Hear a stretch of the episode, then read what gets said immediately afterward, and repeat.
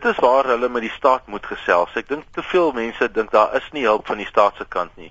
Hulle moet die klein saakondernemings, die klein boer wat dit kan bekostig nie, moet na die staat toe gaan, na die departement van arbeid en sê ek het werkers hier. Ek kan nie bekostig om hulle nog op my plaas te hou nie. Ek kan nie hulle kinders opvoed nie. Ek het nie die geriewe nie of ek kan dit nie bekostig nie en die staat sal hulle help. Kinderarbeid is wanneer kinders onder 16 swaar werk moet doen. Ek dink nie 'n mens moet dit nou so wyd stel dat geen kinders mag niks doen nie. Weet daar's kinders wat uh, as kelners optree en in hulle familiebesighede werk. Ons dink aan veral in die myne, in die plase, in voltydse werk in winkels as verkoopsmense. Um, dit is wat ons onder die ouderdom van 16 beskou as kinderarbeid. Van Vieren meen dat Suid-Afrikaners die probleem onderskat. Baie van die plaaswerkers weet nie eers self dat dit onwettig is nie. Plaaswerkers wat daar werk, dink dit is nie fout nie veral as hulle kinders saam met hulle werk. Ek dink dis opvoeding van werkers self, van die ouers van kinders en van werkgewers wat jare so aangegaan het en hulle besef nie dat dit teenstrydig is met internasionale norms as ook die Suid-Afrikaanse wette.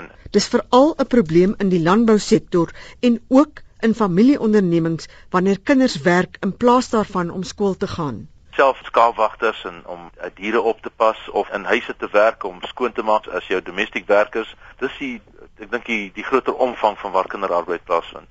Maar wat van hierdie boere wat sê hierdie buitelanders kom by hulle aan verhonger en hulle is bereid om enigiets te doen om te oorleef? Dit is 'n moeilike een. Ek dink dis 'n menslike kant waar jy wil hulle tog help, maar aan die ander kant word dit ook misbruik. As 'n mens een of twee dae werk vir 'n bietjie kos, die wat nou oorgekom het van Zimbabwe of van Mosambiek, dan is dit 'n menslike ding wat jy doen om hulle te help en dan dan bied hulle arbeid aan om dan kos te kry.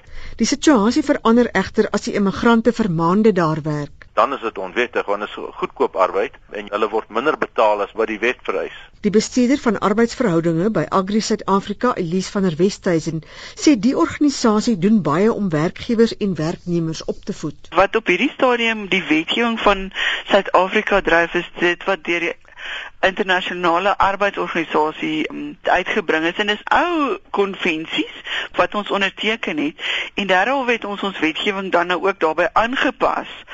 Saam met dit het ook gegaan oor die exploitation van kinders en die wetgewing het so verander dat kinders amper nie eens meer mag chores doen wat hulle kan benadeel nie. Sy sê in Suid-Afrika word daar baie keer van kinders verwag om te werk terwyl hulle in die skool moet wees. Hulle moet gaan hout haal, hulle moet gaan water haal, hulle moet hout kap.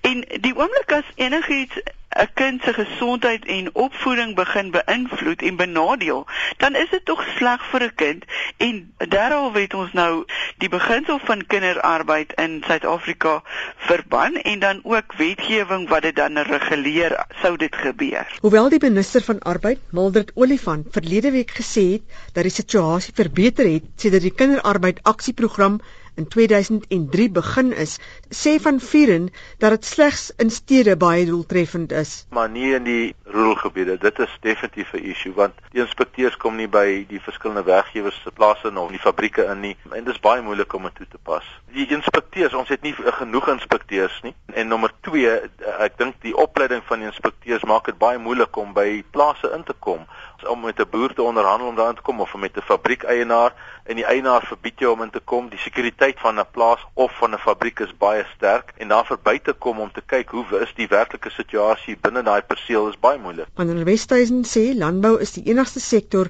waar daar van die werkgewer verwag word om verantwoordelikheid vir die onderrig van sy werknemers se kinders te aanvaar. Landbou word uitgesonder met 'n klomp goed wat behuising betref, wat die opvoeding van die werkers se kinders betref, wat die sorg van die werkers se kinders betref, wat kleuterskole op plase betref.